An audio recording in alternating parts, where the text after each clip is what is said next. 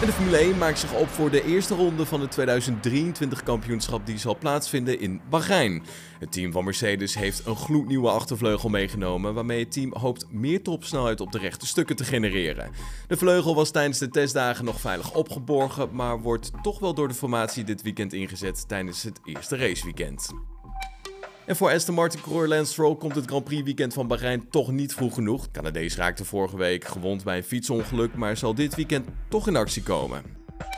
En woensdag werd er bekend dat Viaplay Grand Prix Radio had afgetroefd in de strijd om de Nederlandse radiorechten van de Formule 1. Viaplay heeft inmiddels haar plannen onthuld en zal samen met DPG Media het AD voorzien, een van de websites van DPG Media, van het radiogeluid van de Formule 1. Goed, wil je op de hoogte blijven van het allerlaatste Formule 1 nieuws? Check dan onze website gpfans.com of volg dit kanaal.